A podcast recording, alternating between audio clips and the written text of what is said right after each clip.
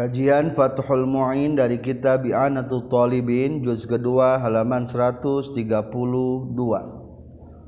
tentang salat mayit ghaib dan salat mayit di atas kuburan. Bismillahirrahmanirrahim. Alhamdulillahirabbil alamin. Allahumma shalli wa sallim wa barik ala sayyidina wa maulana Muhammad wa alihi wa sahbi ajma'in. Amma ba'du. Qala al-mu'allifu rahimahullah wa nafa'ana bi'ulumihi. Amin ya Allah ya rabbal alamin.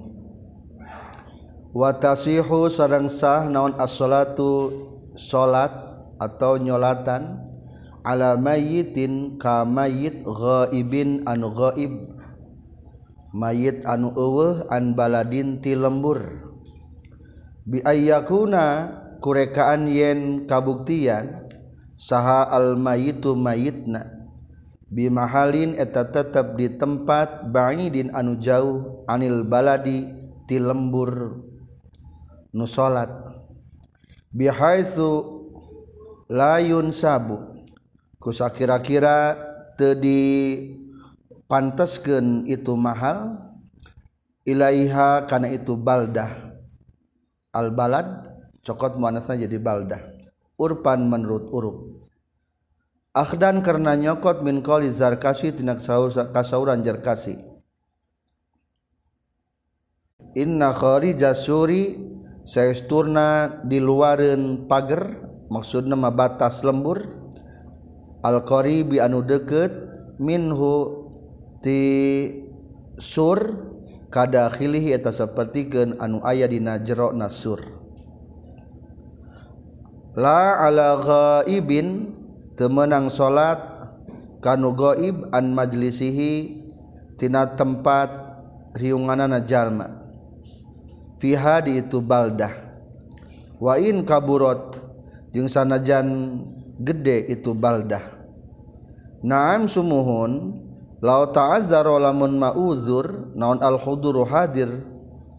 Laha kan itu baldah binahwi habsin karena seumpamana disangkar aw maradin atau ku sabab gering jazatah menang itu salat. Hina izin didanalikana ta'azzara alal aujahi numutkeun kaul anu unggul. Watasihu jeung sah ala hadirin kaja watasihu jeung sah salat mayit ala hadirin kana mayit anu hadir. Madpunin anuges dikubur. Walau ba'da balaihi jeung sok sanajan sabada bubukna burukna itu madfun. Ghairi nabiyyin anu salian ti nabi. Fala tasihu maka tesa itu salat mayit ala qabri nabiyyin karena kuburan nabi. Di khabari syaikhaini karena ayat hadis Bukhari Muslim. Min ahli fardiha min ahli fardiha ti jalma anu ahli parduna itu salat waktu mautihina waktu mautna itu mayit. Para pelajar menjelaskan tentang satu masalah salat goib. Kita baca matan kamatan berarti watasihu ala ghaibin la fiha. wa madbunin min ahli fardiha waqta motihi. Menang nyolatan mayit anu goib. Tisaha mayit anu goib na nyolatanana. Kapayun terus min ahli fardiha tijalma anu ahli jang nyolatan salat fardu. Waqta mautihi dina waktu mautna tasih mayit. Ari urang lamun salat par salat dina jaina sah teu. lamun nyelatan mayit ayeuna sahate urang mah kesebutan teh ahli fardu ari ahli fardu teh tilu hiji Islam teh. Islam. Dua mukallaf mukallaf teh. Mukallaf. Tilu tohir kerhed teh. Henteu. Tah lamun aya nu maot meunang urang milu nyelatan gaib. Nu maot na ayeuna urang gaduh buyut geus maot zaman baheula. Keur urang can lahir. menang tengok ngagoib genu baheula anu geus maot can urang can lahir. Teu meunang da urang mah can kanaon. Can kataklif can min ahli fardiha. Jadi lamun nyelatan mayit gaib mah menang nyelatkeun mayit goib teh ti jalma anu urang keur waktu harita maot eta jalma teh geus kataklif jang salat cing naon kataklif salat hiji kaayaan Islam. Dua mukallaf. Tilu tohir suci. harta Dina halaman 134 ayat bi ayyakuna hina izin musliman mukallafan tahiran. Tah nu kitu ngaranna berarti hukumna menang nyolatan goib. Ari goib teh nu kumaha atuh? Nya mayitna ghaibun anil balad. Eueuh di lembur. Kumaha jarakna? Hayang apal jarakna? Ari eueuh di lembur teh kumaha maksudna? Diterangkan bi ayyakunal mayitu bi mahalin ba'idin anil balad. Mayitna jauh ti lembur lembur urang. Bihaitsu la yunsabu ilaiha. Eta tempate teu salembur jeung urang. Naon cenah ge bihaitsu la yunsabu ilaiha teh eta lembur teh teu salembur jeung urang. Menurut uruf jadi kade jauh di dia lain jauh ukuran kosor tapi jauh menurut kebiasaan. Atau di tengahna lebih jelas naya di napa lebah kurung bi ayyakuna. Bi yakuna faqahadil kurbi maksud jauh teh di atas batasan dekat. Ayah dengan tafsirkan maksud dekat teh sehingga tidak ukuran yang cai da tayamum geuning orang tewa kamu nang ngalaksanakan tayamum kajaba kuneangan hela sai kamana saina kaharep nu katingali ku orang katung katukang ka kanan ka kiri tah lamun teu katingali ke orang karena jauh eta.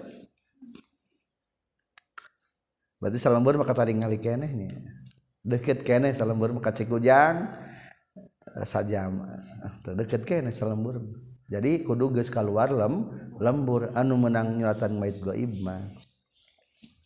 Bimahalin ba'idin anil balad berada di posisi tempat anu jauh ti lembur urang. Bihaitsu la yunsabu ilaiha eta lembur teh teu dihubungkeun jeung lembur urang. Teu disebutkeun lembur saha lembur urang. Karena mengambil karena kasauran Imam Jarkasi. In kumaha lamun kieu? Inna kharijas suril qarib minhu kadakhilihi. Ayah jalma nu maut di perbatasan itu tapi guys deket karena perbatasan. Orang di tempat nanti deket perbatasan lembur suka maju. Itu ge perbatasan lembur suka haji. Padeket padeket tah lamun gitu maka deh beda. Eta mana udah jauh deket dari itu? Deket etama. Berarti etama inna kharija suri saluaren batas lembur anu deket tina eta batas kadakhilihi akur jeung dina jero eta batas. Dina harta selamun tetangga nu deket masana jan beda lembur hukumna naon? Deket. Atuh teu meunang salat gaib maka teh karena nafsiran lapan urpan. Jadi masalah deket jauh nate lain ku batas lembur tapi cek uruk. Dasar Imam Kasimah meskipun beda lembur air dekat mana yang dianggap na salembur maka dicantumkan kumah bahasana inna kharija suril qarib. Saestuna jalma-jalma nu aya di luar batas lembur nu deket mah minhu deket tina batas lembur kadakhilihi dihukuman sekaya-kaya seolah-olah dimasih kene satu lembur kene. Jadi batasnya tuh adalah darak deket jeng jauh kumaha cek o huruf sanajan beda lembur cek cek huruf deket berarti itu menang gaib. Lamun cek huruf jauh berarti menang gaib. Tak itu nya kaharep masuk ke haji jauh tilu kilo menang goib. Menang goib. Kumala mun aya di urang urang telemur cibulakan kampung nante ngan urang teh teu hadir sare. La ala ghaibin an majlisihi teu meunang salat mayit kanu gaib dina majlis urang. Urangna keur naon? kergoib kalah sare eta mah teu meunang. La ala ghaibin teu meunang nyolatan nyolek mayit gaib an majlisihi tina majlis urang. Sa majlis ngan urangna ku urang digaibkeun teu meunang satempat mah sakampung keneh mah. Jadi kudu anu ja, jauh. Wain kaburot meskipun desana jauh ari kangarankeun salembur keneh mah sa majlis kumalam urangna kadang-kadang keur nyabanya keur ka kota urang teu apal nyelatan mayit. Tinggali palebah qauluhu la ala ghaibin an majlisi fihi. Wa fi sin mim khilafuhu.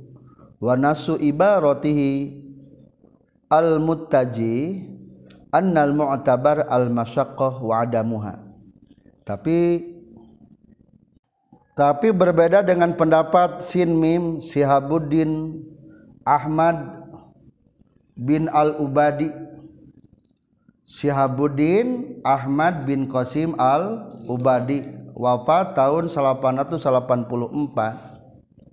berbedanya ari menurut anjeunna ibaratuhul mutaji tata cara ngareken unggul mah annal mu'tabar al masaqah perhitungan lain perhitungan gitu tapi perhitungan susah atau te eta mayit teh.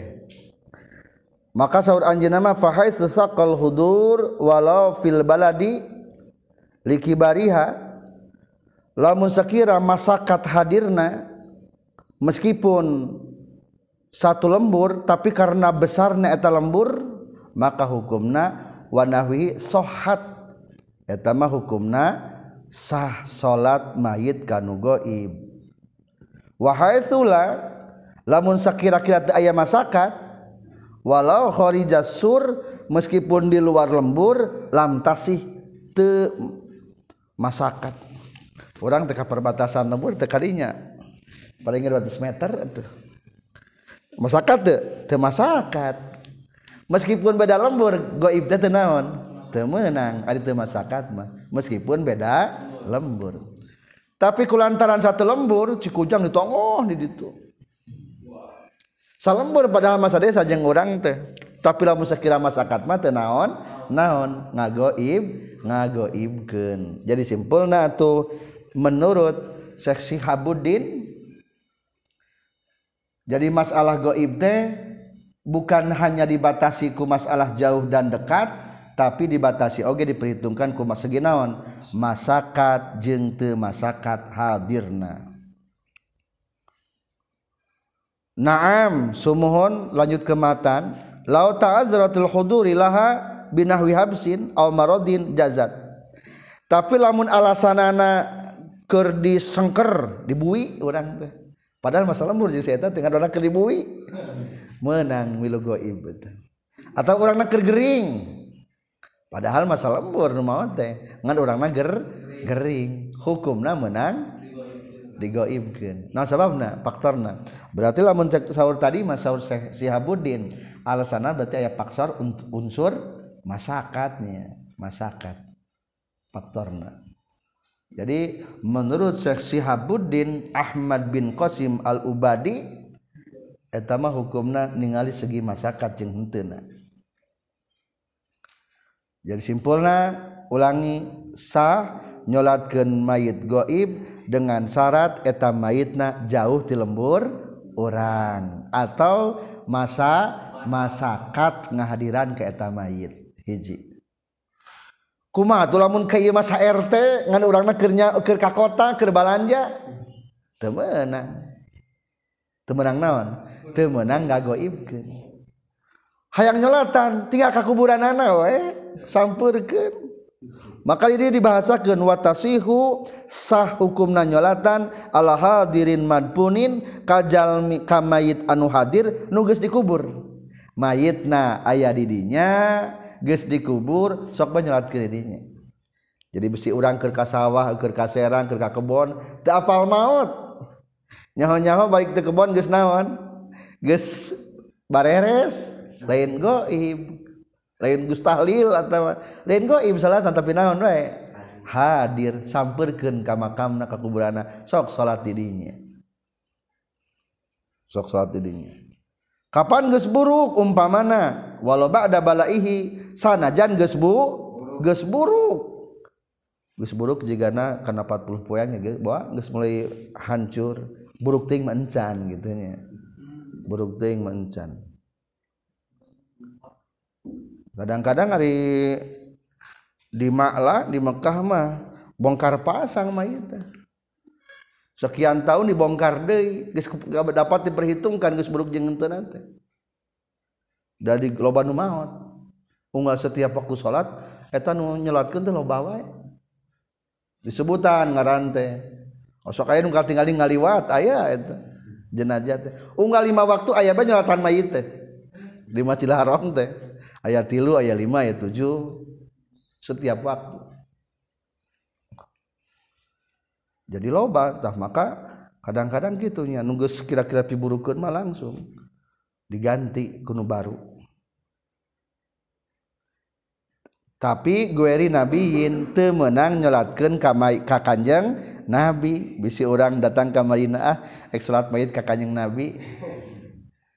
Etama temenang seginaon pangkat menang hiji karena ayah hadis.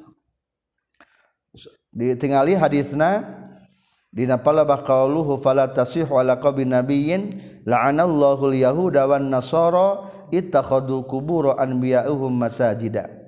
Allah geus ngalaknat ka orang Yahudi jeung Nasrani sabab geus ngajadikeun kuburan-kuburan para nabi kana tempat salat. Naon maksud tempat salat? Bi salatihim ilaiha. salatna eta orang-orang Yahudi nyang harepan karena kuburan-kuburan paraan biar. Terus dipayun dibahas menang te salat deket kuburan wali tujuan tabaruk temenang makruh. Nah senage makruhnya ditunya hukum nama makruh salat yang harapan deketan kuburan para wali. Anu maksud hayang ngalap baro barokah teu alus tah lamun ka nabi mah komo haram soalnya menyerupai orang-orang Yahudi.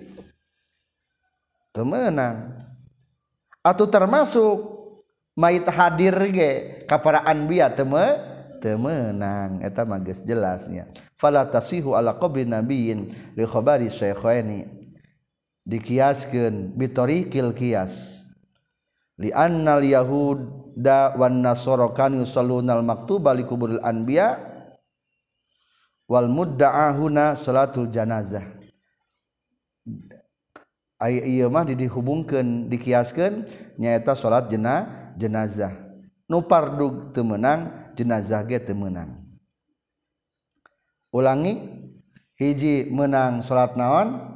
Mayit goib kadua menang salat mayitna hadir ngan geus dinaon?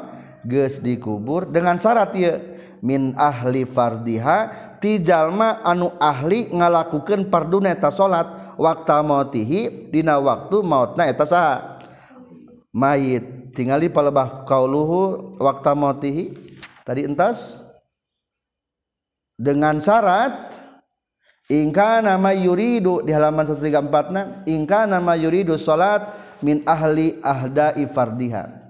Jika orang yang hendak melaksanakan salat mayit goib atau nu hadir di eta makam teh geus jadi ahli parduna salat.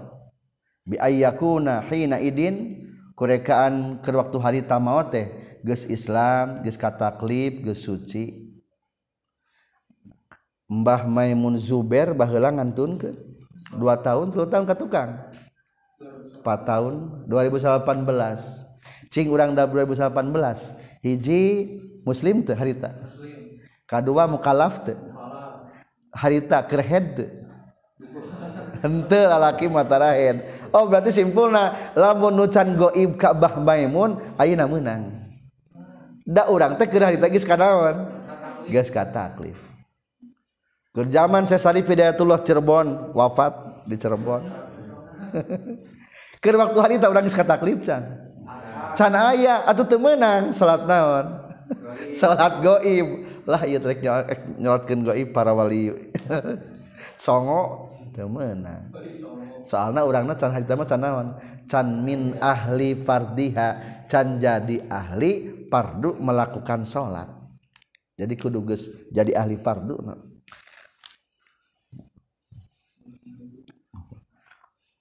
umpamana nyalatan sahadai eta saduh Julia Perez. Canjolatan baheula teh. Inget-inget ayeuna geus sadar da baheula mah keur gelo. Keur gelo teh keur dadeng deh ke akalan. Menang teh ayeuna? Teu meunang.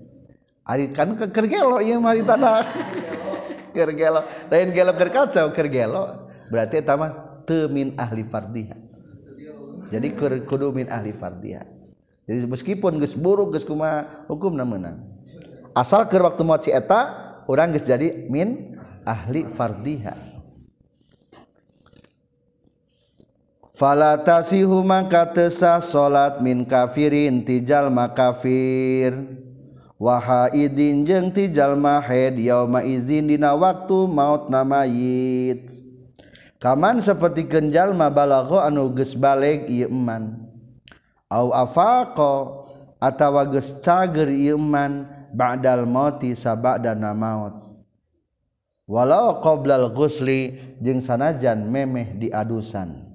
Kama sapertikeun perkara iktado anu geus ngudukeun hukana ieu mah naon kalamu syekhani kasauran Syaikhain Imam Nawawi jeung Imam Rafi'i.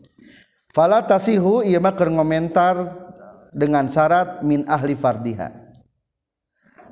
Atuh teh sati jalma nu kafir umpa mana teh waktu Mbah Maimun teh main akhir kafir kene.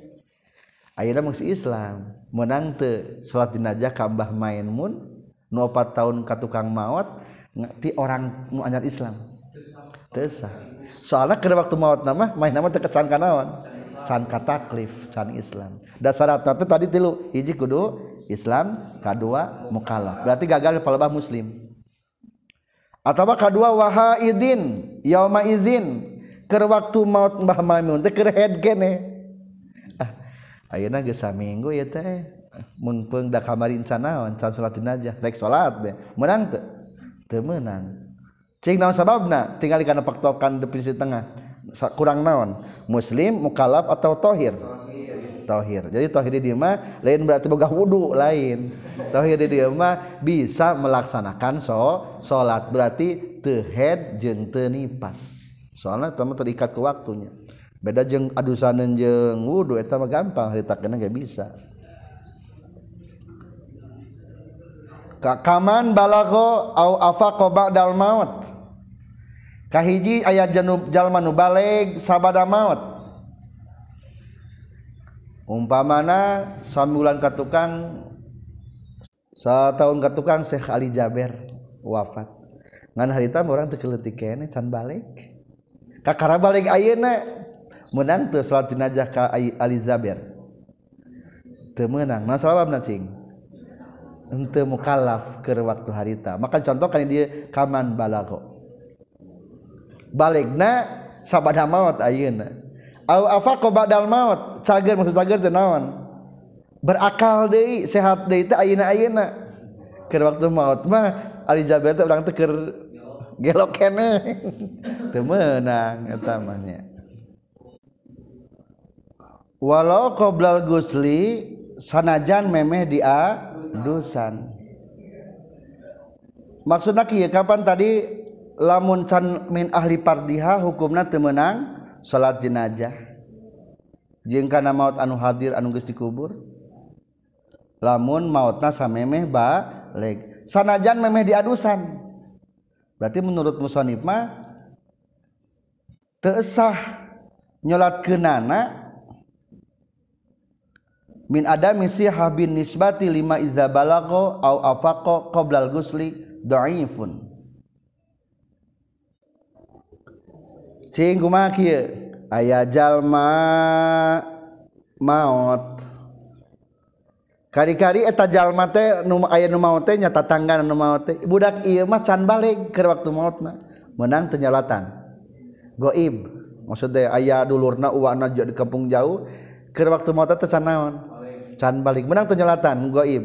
Teu menang sanajan balikna memeh diadusan. Teu menang Ariker maut mah can balik Ari barang didarusan mah geus naon? Geus balik berarti sabaraha menit wae udah sabaraha jam bae eta teh. Ngan juga naon beureun sapoe dua poe lah. Mungkin aya we anu maut tak kitu. Geus sapoe kakara diadusan atau faktor kecelakaan. Tah hukumna teu me teu meunang. Tapi tetap kaul mutabar mah hukumna meunang. Soalnya mah dikubur manawan. geus balik bae dikubur mah. maka di tengahna tercantum. Dina palebah qauluhu kaman balagha au afaqa ba'dal maut.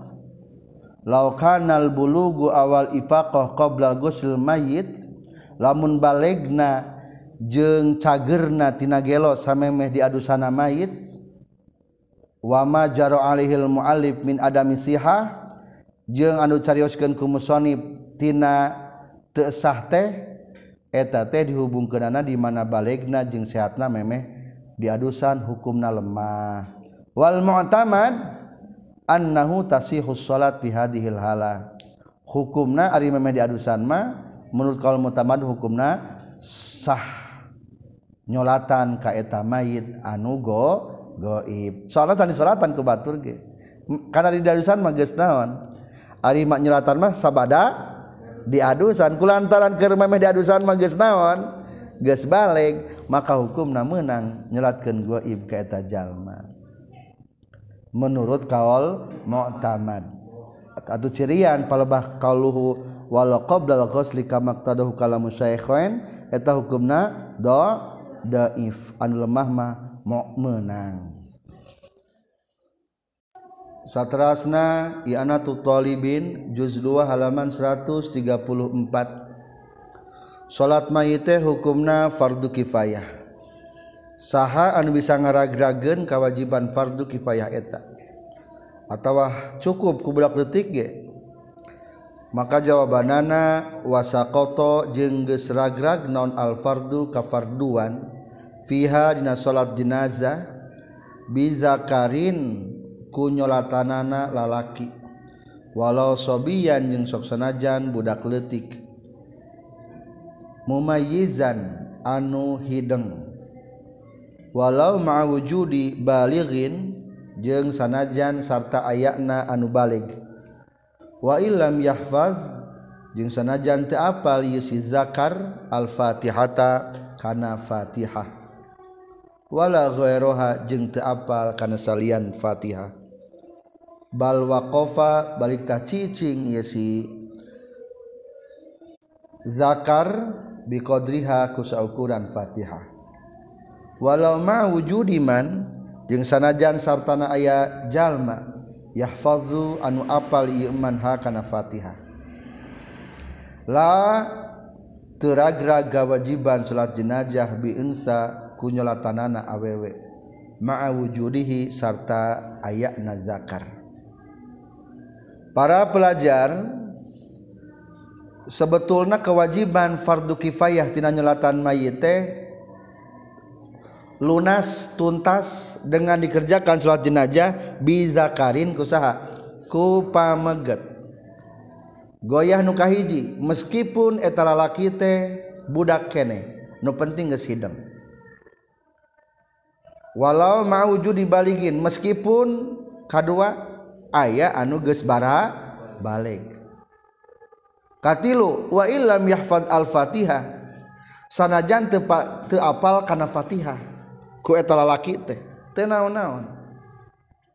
Wala gueruha pengganti fatihah tujuh surat teu apal.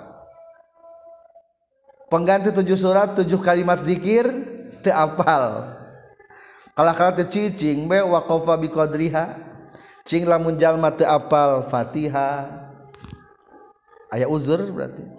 Teu apal surat teu apal dikir kumaha tata Fatihana?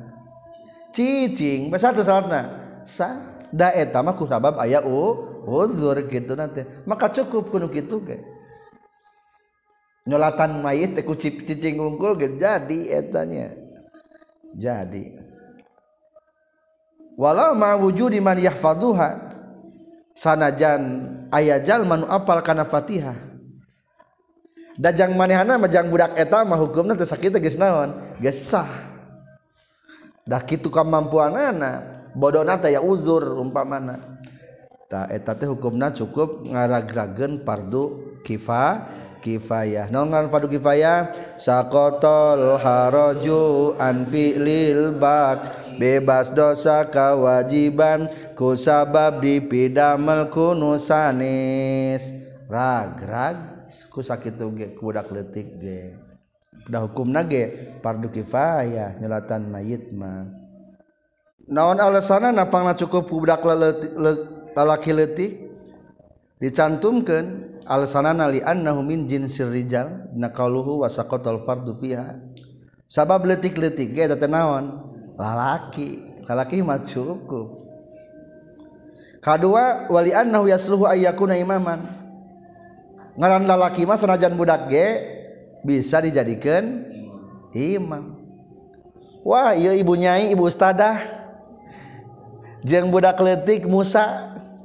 Jadi imam sakene ku saha? Sakene budak letik jadi imam mah. Letik-letik ge lalaki. Tuh ayakun imaman. Kapan cenah ge budak letik masuk ukurna ge sunnah wa qanu salati sabi taqauna plana yusiru teu naon-naon emang sunnah ge jang budak letik mah sunnah kipayah. Tapi cukup peta sunnah kipayah qad yuji'u anil fardi bisa menjatuhkan keparduan tina sunnah tina fardu kifayah na salat jenazah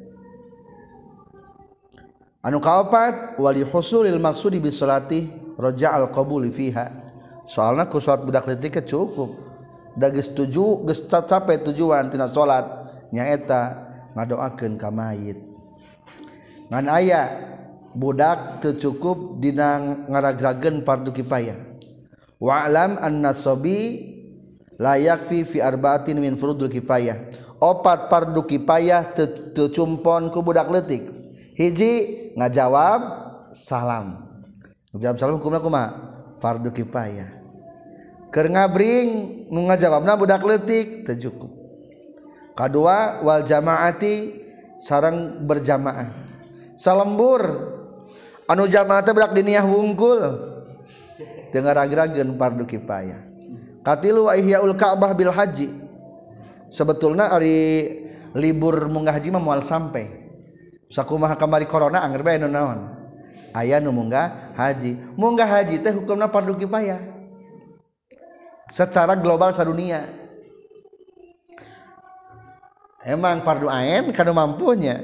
Ngan secara datiah Ka'bah unggal tahun kudu aya kegiatan ibadah haji. Tah lamun ibadah haji na budak leutik unggul teu cukup eta teh.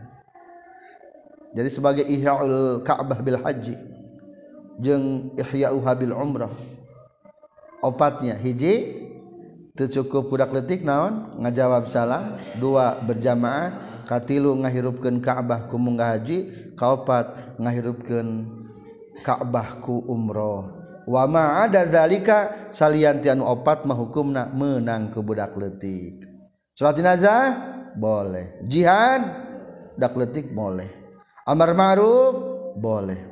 Seluruh sesana pada kipayah hukumna menang la bi unsa ma'a wujudihi. Lamun selagi aya kana laki mah ku awewe mah teu matak ngaragrageun fardu kifayah fardu kifayah tapi nyalatan masa nyalatan masa di orang ge kadang-kadang sok anu ngiringan atawa loba nama di masjid-masjidnya ngiringan sakantenan salat jenazah sok aya teu naon-naon ngiringan.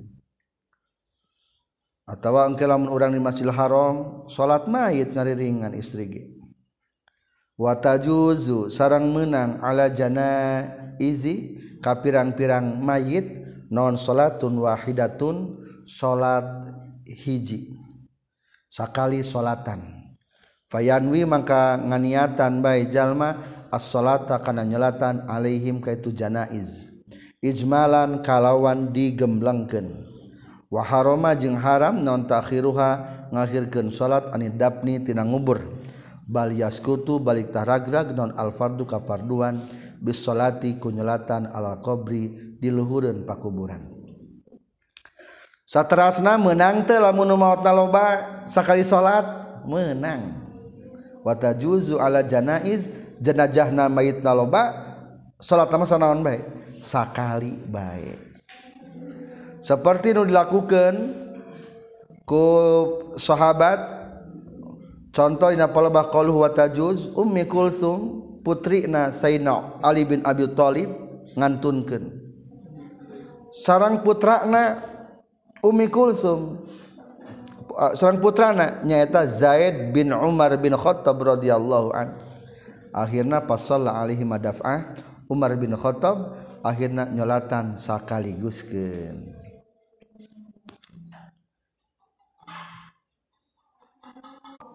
akhirnya etan nupa megat waju ilal gulam putrananya. Dideketkan dihadap sadaya ke dipayun nyimpenna. Ngan nupa megat mah nyanding ka imam. Di kaum-kaum jamaah kegedean para sahabat ke waktu harita. Suara para sahabat hadza huwa sunnah. Kieu teh hukumna sunnah. Teras aya deui riwayat Baihaqi. Nyolatan Ibnu Umar radhiyallahu anhuma kana salapan jenazah. Dina salapan teh lalaki jeung istri. Akhirna tata cara posisi menempatkan eta mayit rijal mimma yalil imam. Lalaki mah deket ka imam, berarti dah hareupeunana pisan. Wa nisa mimma yalil kiblah, istri mah beh ditu. Berarti deketna ke arah kiblat. Berarti tata cara nyusuna awewe awewe awewe awewe terus saha lalaki lalaki lalaki tuluy imam. Jadi imam teh deket ka imam malah pamegat ulah nu istri gitu. Tata cara nyusun teh naon sabab geuning cukup ku sakali salat li annal gharda minas salat addu'a. Tujuan tina nyolatkeun mayit adalah mendoakan ka mayit. Sedangkan ari ngadoakeun hukumna mungkin dengan satu kali berdoa berdoa. Maka hukumna cukup sakali wae. Kamari keur corona ieu mau tilu sa masjid barengkeun salatna ulah hiji-hiji. Kumaha niatan lamun lobanya? Fayanwi as-salata alaihim ijmalan. Gemblengkeun globalkeun niatna. Kumaha lapadna? Tinggal contoh lapadna. Usalli ala man hadara min amwatil muslimin. Gitu niatna. Kumaha? Usalli ala man hadara min amwatil muslimin. Teruskan arba'a takbiratin fardul kifayati makmumal lillahi ta'ala atau imama lillahi ta'ala. Contoh redaksi kedua iya mah jang makmum khusus tadi mah umum. Wa ala man yusalli alaihimul imam. Sok ganti kulapan ala man salli alaihil imam. Usalli alaman yusalli alaihimul imam. Sakit tuge cukup lamun ditentukan angkana? Niat Abi nyolatan ka ka 11 mayit. Aina buktina kalah 10 maka tesah tesah tesahnya niatna. Jadi niatna nu gampang mah kumaha? Usalli ala man hadara min amwatil muslimin. Biasanya terutama ke lamun urang ka Mekah aya bae salat maut ngantunkeun tah kieu niatna atau anu kadua kumaha usalli alaman yusalli alaihim mul imam. Atau kamari mah redaksina ku fi'il madinya. Usalli alaman shalla alaihil imam. Boleh. Di 124 ayat berbentuk ku fi'il madi boleh. Usalli alaman shalla alaihil imam kumalamun kia menang te. Lah ame ame gampang. Sholat nangke di kuburan di kuburela ngajakin gitu mah ulah. Wa harama takhiruhu anidapni hukum naharam mandirikan sholat tina ngubur. Ngubur dihelakan jelas tadi pangkerkeun ngajakeun mah ulah haram. Tapi lamun poho mah kepada jadi ajengan anyar. Cek tadi ge bal yasku tulpar dubi salati alal qabri. Cukup bisi pohon deui mah teu naon-naon teu dibongkar deui sahnya di luhureun pakuburan ge. Hapunten para jamaah diralat abi nembean ya tetepan salat jenazah. Untung temakai ruku ge. Gan iya bakal kan salah sakedik kalah dikubur manten. Nah, boleh watahrumu sarang haram non salatu nyolatan ala kafirin kajal minu kafir. Lihormati doa karena haram na ngaduakan lahu kaitu kafir bil magfirati ku pangampura. Qala ta'ala wala tusalli ala ahadim minhum mata bada. Madawuhkeun Allah taala wala tusalli jeung ulah nyelatan anjeun Muhammad ala hadin ka saurang oge minhum ti kufar. Mata anu maut itu si ahad abadan salawasna. Wa minhum jeung eta tetep termasuk ti kafir hukumna kufar atfalul kufari ari pirang-pirang anak-anak jalma kafir. Sawaun sarwabai antaku ngucapkeun itu atfalul kufar bi syahadataini kan dua kalimat syahadat amla tabah henteu. Fatahrumu maka haram non aswatu nyalatanana alaihim ka itu atfalul kufar jalma-jalma nu haram di salatan hiji jalma kafir ketika Abdullah bin Ubay bin Salul orang munafik tapi pandai menyembunyikan kamu napekan ya tete. Jadi karena Islam itu bener-bener kamu nyumbang pang gede na. Ayah kegiatan-kegiatan Islam pang diharupna. Padahal mana wana tete? Munafik padahal. mata pantasan aya kelompok-kelompok Syiah eta teh Syiah teh sebetulna mah ismuan paham-paham ku Abdullah bin Ubay bin Salul. Non sababna pasukan Sayyidina Ali bisa berperang jeung pasukan Siti Aisyah gara-gara otak mah Abdullah bin Ubay bin Salul. Berpengaruh bagi kurak dua hari tage.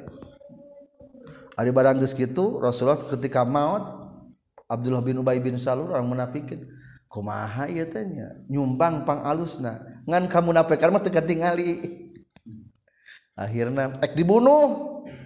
Da palaur cek Rasul teh bisa dianggap ditafsirkan ke umat Islam halal ngabunuh Islam deh mata tadi perangan kurang munafikin deh ngan cukup palabah rek di salatan mah ku Allah dilarang. Wala tusalli ala ahadim minhum mata bada. Ulah nyelatan Muhammad di orang-orang kafir Abdullah bin Ubay bin Salul kalebetkeun orang munafik. Ulah di salatan akhirnya ter tenyelatan ya Rasulullah. Atau sejarahna hadisna adanya. Ma Bukhari wa Muslim wa ghairihima katampi ti Ibnu Umar nyaurkeun ketika wafatna Abdullah bin Ubay bin Salul putra Abdullah bin Ubay bin Salum sumping ka Rasulullah akhirnya memohon ka Rasulullah supaya nyuhunkeun acuk Rasul. Komisahu eta acuk rasul teh hayang dipakai jimat dipakai kain kafan kanggo Abdullah bin Salul. Akhirna fa'atahu ku Rasulullah dipasikeun. Gamis Rasulullah kata Abdullah bin Ubay bin Salul. Adi putra nama Abdullah. Putra Abdullah bin Ubay bin Salul mah Islam akhirnya summa sa'alahu ayyusalli alaihi Rasul. Karena Allah mah saur putrana Abdullah bin Ubay bin Salul. Akhirnya barang tos gitu Rasulullah ngadeg barang tos ngadeg teh akhirnya pakoma Umar. Ditarik ke Umar acuk Rasulullah. Ya Rasulullah atusalli alaihi wa qad nahaka Allah antusia salli alal munafik Rasul nah Rasul balik kerasa itu tepan kapan Rasul teh? Allah tegas ngalarang ka Rasul netepan ka orang-orang munafik. Akhirnya walaran cek Rasul Allah teh memilihkan kakaula berdasarkan firmana istaghfir lahum awala tastaghfir lahum. In tastaghfir lahum sab'ina marratan falayaghfirallahu lahum Saur Allah tarek mentang hampura rek hente lamun anjen mentang hampura 70 kali maka Allah mah moal ngahampura. Saur Rasul teh rek ditambahan leuwih ti 70 kali. Faqala innahum munafikun saur Umar bin Khattab teh Rasul munafik eta mah ulah ditambahan di istighfarna. Akhirnya Rasulullah sallallahu alaihi rek netepan. Barang begitu ke tepan lungsur ayat wala tusalli ala ahadim minhum mata bada akhirnya Rasul eta geus ngadeg fataraka salat alaihim tetulus nyolatan. Ka eta golongan munafik munafikin Abdullah bin Ubay bin Salul.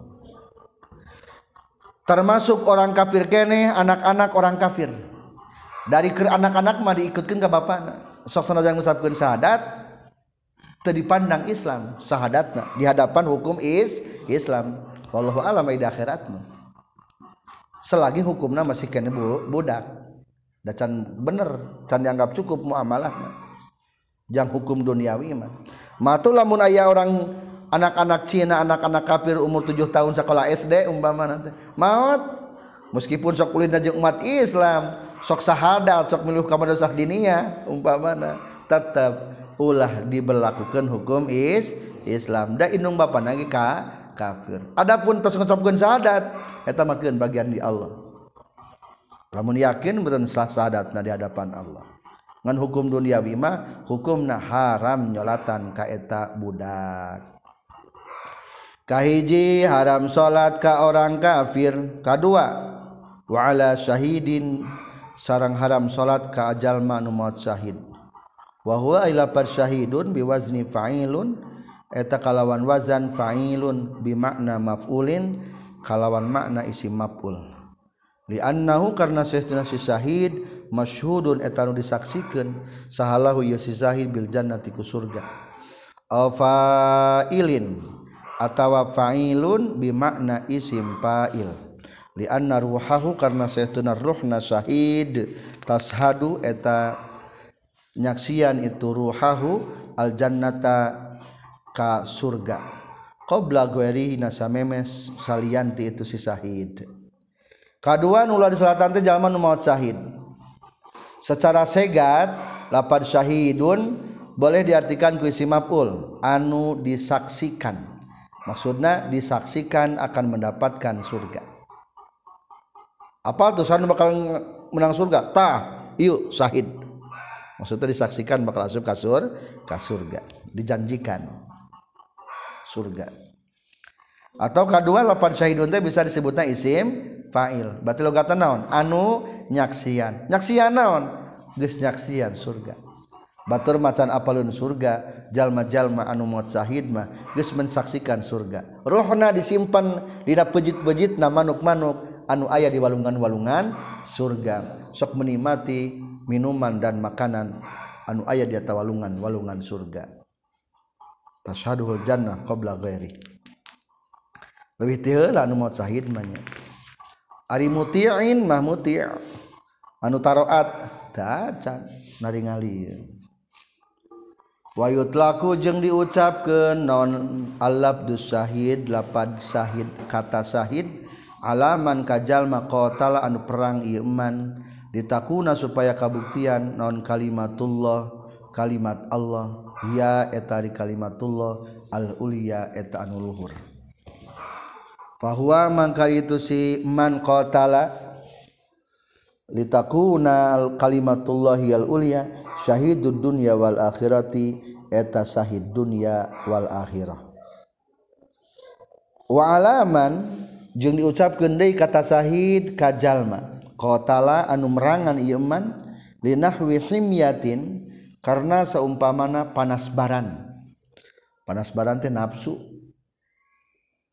Bahwa maka itu si iman syahidud dunya eta syahid dunya. Wala maktulin jeung diutapkeun deui kata syahid kanu dibunuh zulman secara zalim. Wa gharikin jeung secara kakerem. Wa harikin jeung kahuruan. wa mabdunin jeung mabdun nyeri beuteung Aiman tegas nama jalma qatala anu geus ngabunuh ka Yeman non batnuhu penyakit ieu Yeman kastisqain sapertikeun lapad sapertikeun istisqa terus-terusan utah. Atau muntaber muntah berak au isalinat atawa sapertikeun mencret. Fahum mangka itu maktulin zulman wa ghariqin wa hariqin ilaih asyuhadau eta suhada fil akhirati di akhirat pangkot wungkul Para pelajar Aina mengenal kata syahid. Sebetulnya antos di payunnya. Anu disebutkan syahid teh ayat tilu. Kahiji syahid dunya wal akhirah. Naon? Syahid dunya wal akhirah. Nu mana? Yutlakulabdus Shahid alaman kota lalitakuna kalimatullah Ulia jalma anu perang dengan tujuan kalimat Allah maksudnya agama Allah menjadi tinggi. Pangluhurna. Kabeh rujukan teh kana naon? Kana agama Allah. Tah hayang mah kitu. Ari urang agama jadi rujukan teu henteu di urang mah. Sahur bapak anu ge kedah anu. Teu teu sahur Quran Tah ainu perang karena Allah mah hayang kalimatullah hilal ulia kalimat Allah teh jadi referensi. Hirup mah kudu cek agama Allah kudu anu. Nah, dia rujukan. Kumaha tata cara bernegara? Cek Islam kudu kieu. Nah, berarti eta Islam jadi naon tah karena geus jadi rujuk rujukan kalimatullahi hiyal ulia. Tah lamun kudu merjuangkeun kitu maut maut tah ngaranna naon? Sahidud dunya wal akhirah kedua ayat sahidu dunia wungkul. Dicantumkan kulapan musanif man qatala linahwi himyatin. Perang jeng orang kafir ngan ngabales kanyerian. Orang jadi hati ku si kafir. Kebenaran ke perang. Ah yang ngabunuh si eta we wungkul. Hukum naon tah sahid dunia wungkul. Orang ke, ke perang. kebenaran kabogoh teh direbut ku seeta sakalian we keur masih eta kafir bari ngabales dendam. Himyah teh ngabales dendam hayang ngabunuh si eta. Hukumna naon tah? Sahidu dunia wungkul. Di dunia mah sahid di pula sarakna si orang sahid. Ngan di akhirat mah hukumna lain sahid. Atau di payuman contohanana jalma anu perang dina agama Allah tujuan hayang menang goni gonima sahid dunia wungkul. Katilu ayah wa maktulin ya mas sahid naon sebutna? Zulman. Sahid akhirat. Naon? Katilu sahid akhirat wungkul. Di dunia mah tadi hukuman sahid. Hiji nu dibunuh secara dolim keji. Dibongohan dibunuh. Sahid di dunia? Henteu nuti telem nu kahuruan sahid teu di dunia mah henteu anu nyeri beteng di dunia sahid teu henteu di pulasara sakumaha mistina di mandian dibungkus di salatan di kubur. Tah nu kitu mah karena sahid akhirat tunggul di akhirat man kitu kalebetkeun kana sa sahid eta ge sahid di tengah aya latifah aya rahasia kacaritakeun aya hiji jalma lungsur jeung babaturanana. Yasbahani fil bahri ngarojai di lautan.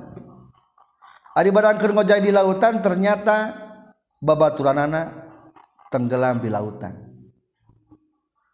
Akhirnya eta lautan tadi omongan kueta jalma bari macakeun ieu syair dina hartas pangadi dongengkeun dibacakeun teh mudah-mudahan ieu jadi solusi bisa aya jalma anu diterkam ku ombak ku lautan tah bacakeun syair anu ieu. Ya ma'ama likin qad ataita bi didima. Ulangi. Insyaallah bahar kamil. Ya ma amalikin qad ataita bidi dima. Qad kila fi kamuh biram bi ajibin. Sarang? Ya ma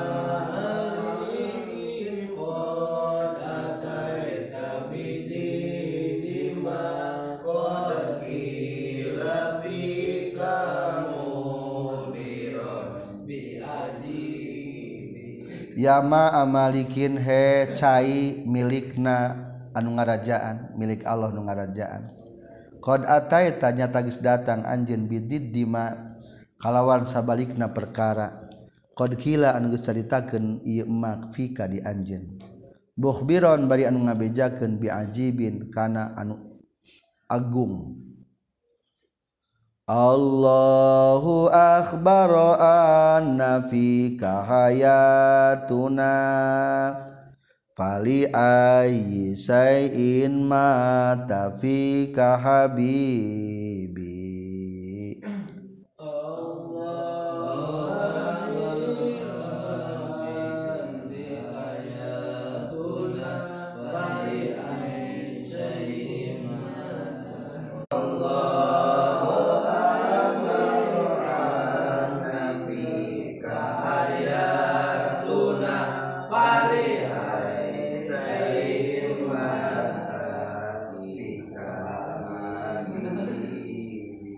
Allah ari Allah eh, akhbaro ngawartoskeun Allah annafika saestuna tetep di anjeun haya tuna ari kahirupan urang sadaya. Hay laut da cek Allah mah jalma teh hirup teh ku laut. Kabeh ge jalma hirup mah ngagunakeun ca cai. Seluruh anu aya di lautan dihalalkeun tapi aneh kunaon atuh he cai laut maneh datang kalawan berbeda jeung tugaskeun ku Allah. nepi ka dulur orang diterkam ku ombak tenggelam hilang hanyut di lautan. Fali ayyi syai'in maka karena naon perkara mata geus maot fika di anjeun sahabibi kakasih kaula. Kunaon kakasih kaula leungit? Ku eta jalma dibacakeun eta bet. Akhirna falamma qala zalika ahyahullahu taala. Ih barang geus kitu teh muncul deui dihirupkeun deui eta bedulurna. Wa tala'a lahu minal bahri muncul menghadap ke eta jalma di lautan. Jadi mudah-mudahan bisa tenggelam bisa yang terkam ombak coba bacakan ini. Ayah deh batur masuk make alat-alat parabot dapur. Non waya di dapur? Baca. Eh bawa. Tabuhan. Tabuhan. Bacakan kulhu al falak anas. Muncul itulah jadi simpulnya anu tenggelam di lautan mah kalebetkeun kana syahid akhirat atau kehuruan kebakaran terperangkap dalam bangunan gedung biasanya atau mabdun loba di orangnya. Istisqa muntah berak. Ayo muntah berak tenawan lain muntah buat berak. Lain muntah tai lain. Tiluhur muntah dihanap berak gitu maksudnya jadi muntaber kan ribu eta teh langsung eta eta hukumna mabdun. Penyakit-penyakit perut hukumna. Mata syahid akhirat. Jadi simpulna nu kadua nu salatan teh adalah syahid kagus lihi sapertikeun haram ngadusana itu syahid ai syahidi tegasna nu maot syahid walau junuban jeung sok sanajan junub. Li'annahu karna saytuna kanjeng nabi sallallahu alaihi wasallam lam yugsil ngadusan kanyang nabi qatla uhudin ka pirang-pirang anu terbunuh di Uhud. Wa yahrumu jeung haram non izalatu dami syahidin ngalengitkeun darah kesahidan. Jadi hukumna nu maut syahid mah di samping ulah di salatan oleh oge ulah dimanikeun. Sanajan junub. Sanajan junub.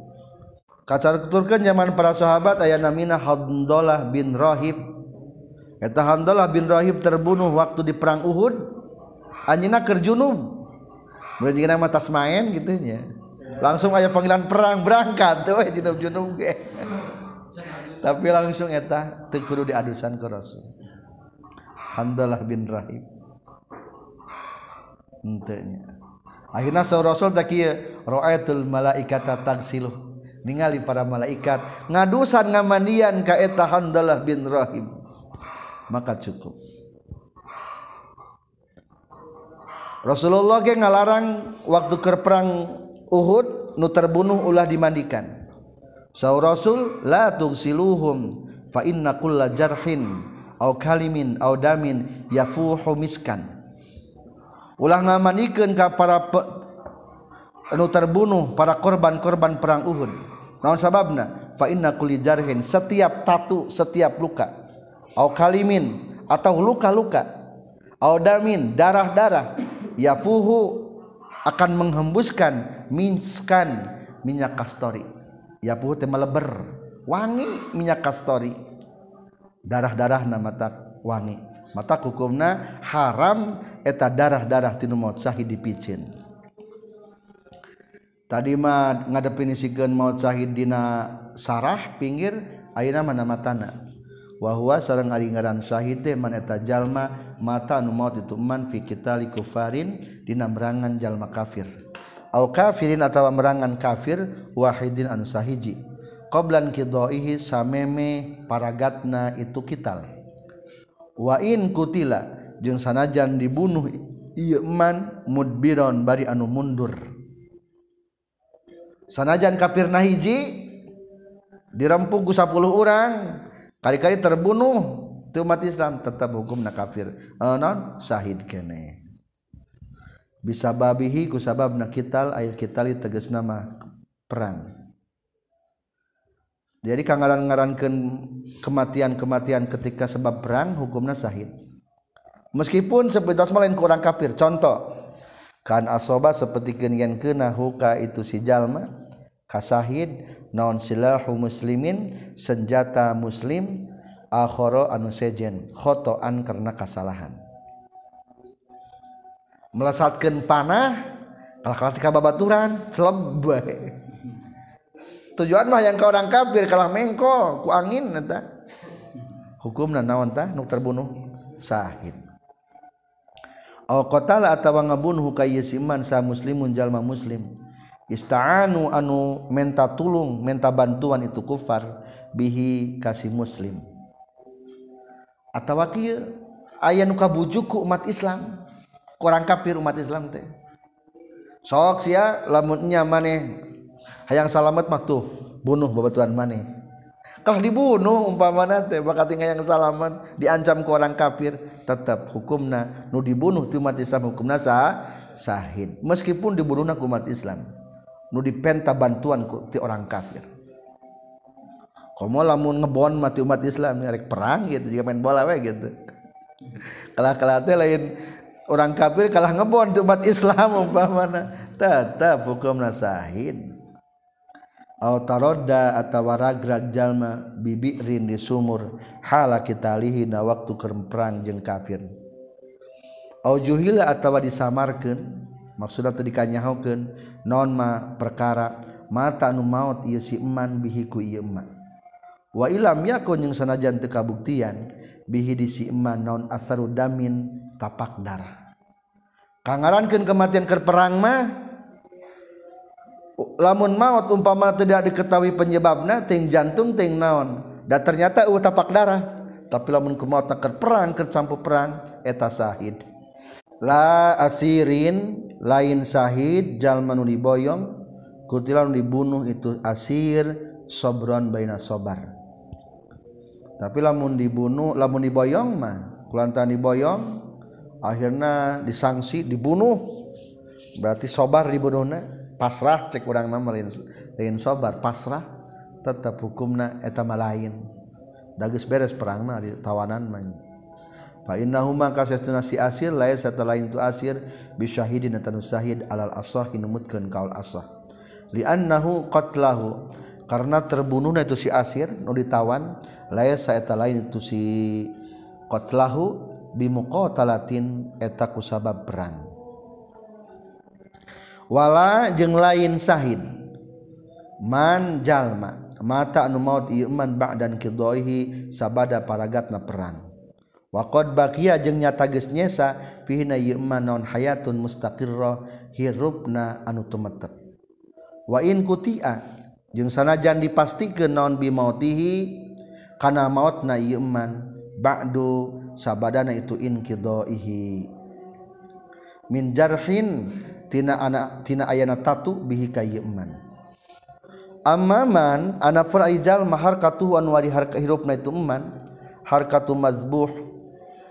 Harkatu mazbuhin eta hirup anu mazbuh anu pimauten ingdan kidoih dina waktu paragatna itu kital fasyahidun ta eta hukumna syahid jazman kalawan mistik wal hayatul mustaqirratu jeung ngaran hayat mustaqirrah. Hirup anu tumetep bakal terus pihirupeun ma eta perkara tajuzu anu menang anu wenang atau pimungkinan naon ayyab qayen tumetep ieu iman bertahan yauman kana sapoe au yaumeni atawa kana dua poe. Ala menetepan kana pendapat perkara qala nyaurkeun kana masaha an-Nawawi Imam Nawawi. wal Imrani jeung Syekh Al Imrani. Para pelajar bukan sahid jalma nu ditawan. Gus proses proses proses penawanan dieksekusi mati umpamana. Sahid te. lain eta mah sanajan ditawana benang waktu perang. Walaman mata bak dan kidoihi atau mautna geus beres perang bari masih kene ayah hayat mustaqirroh berarti mungkin lamun tas perang tejalma ayat dua. Ayah nu selamat utuh tubuh nate ayah nu gering. Keripuh mungkin tapak pedang tapak segala itu kabagi dua hirup nate ayah hayat mustaqirroh ayah hayat mazbu lamun hayam gening hayam dipencit lekek lekek lekek lekek beres mencit. Gugur bukan kene kapan ya tante Sing eta gugurubuganna, guguruban rek hirup, gugurubugan rek maot. tah eta ngaranna hayatul mazbuh. Tah lamun hayatul mazbuh mah berarti dihukuman sahid nu kitu. Tapi aya deui kageleng ku motor. Hayam gugurubugan ah, kocak kocak. Gugurubugan kene. Ngan kageleng sukuna. Cing kira-kira eta gugurubugan rek hirup rek maut. jika nama lamun syukurna mah bakal pihirupeun deui eta ah ieu mah bakal pihirupeun deui guru bogan ge. Jadi simpul nama ayah hirup ayah harapan kana maot berarti ngarana hayatul mazbu. Ayah hirup nu bakal bertahanan ngarana hayatul mus takirroh tumetem tah berarti lamun tas luka-luka kayak gitu jalan mah teh tos perang teh. Aya nu luka-luka diperkirakeun ieu luka teh bakal naon? panjang umur tertolong terbantu. Tah eta mah lamun lamun ayah hayat mustaqirroh etama hukumna lain sa sahin. Atau lamun kurang jelas hayatul mustaqirroh didefinisikan ku Imam Nawawi kuma definisina mata zuzu ayab ko yauman aw yaumain. Ari hayat mustaqirroh mah kieu eta hirup teh mampu bertahan sahirup poe dua poe deui. Eta mah berarti naon? Hayat mustaqir. Lamun cek dokter tadi didiagnosa oh iya mah ngan kuat pihirupun genep jam deui ieu mah. Berarti hayat, hayat naon gitu mengarana hayat mazbuh. jadi menurut Imam Nawawi mah hayat mustaqirah mah definisikeun lamun mampu sabaraha poe. Sapoe hukumna mustaqirah berarti lamun kurang ti eta ngaranna hayat mazbuh. Etanya. Jadi simpulna lamun luka-luka hayatna hayat mustaqirah hukumna lain sahid sok sanajan pada akhirna maut lamun hayat mazbuh mah hukumna eta kalebetkeun kene sah syahid atau pengurusanana jika nu maut syahid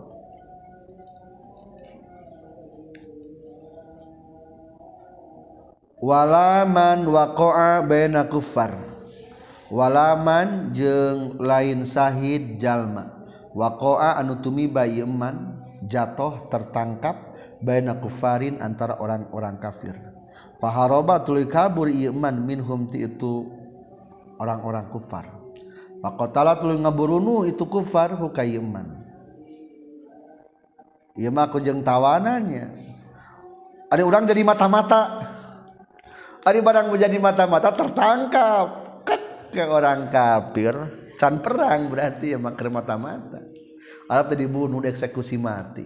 Sahid menurut sahid menurut dunia. Hmm teu eta mah. Hartos pengurusan jenajahna ulah jika numut sahid kabur kalau ditangkap dibunuh umpamana.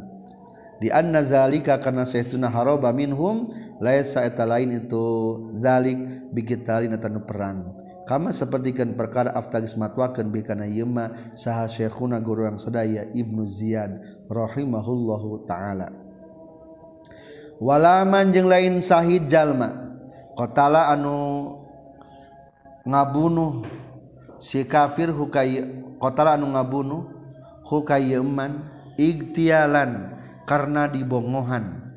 Saha harobiyun kafir harobi dakhala nu asup itu harabi benana di antara urang sadaya. Menurut Ibnu Ziyad juga termasuk lain sahid. Lamun jalma terbunuh secara dibongohan. Aya orang kafir harabi asup karena umat Islam umpamana. Taruhlah umpamana bom bunuh diri. Kafir harabi asup ke mana? Ke umat Islam bom bunuh diri. bem terjadi bom.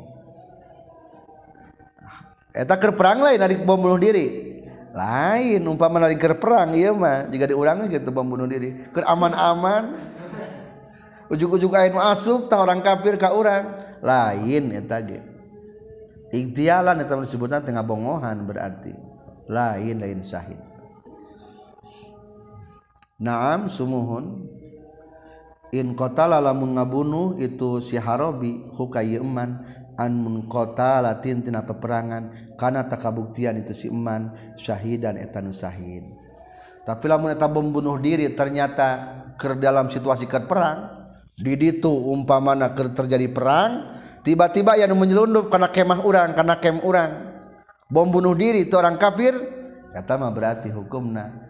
Shahid Gen deker perang etemaya mukotalah diharapnya kama nakola sepertikan perkara anu geus nukil geus nyalin hukana ieu mah saha as-sayyid as-sam hudi anil khadim katampi ti al khadim.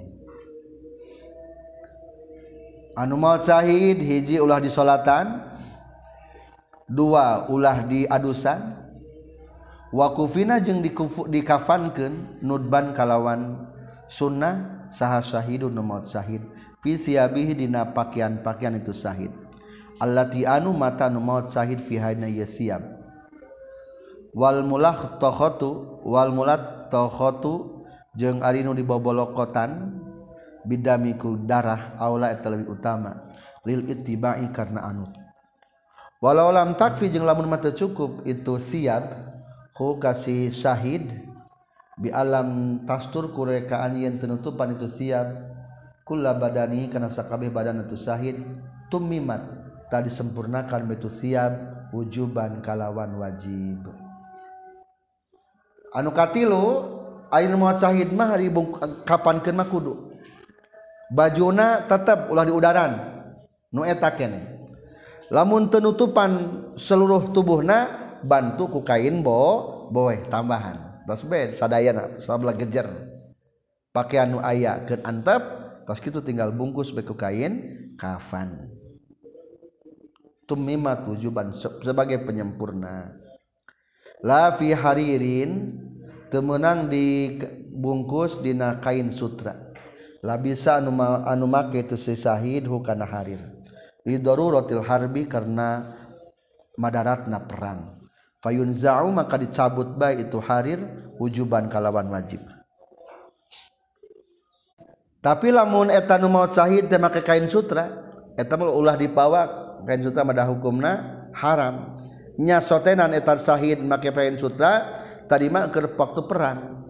Soalnya umpamana supaya batur silau dengan pantulan-pantulan tina pakaian sutra atau supaya pelor temenembus tapi ngageleser tak etama hukumna temenang kain sutra eta dibawa kena kuburan. Temenang udar baik wajib diudaran. Gantikan dengan kain kafan.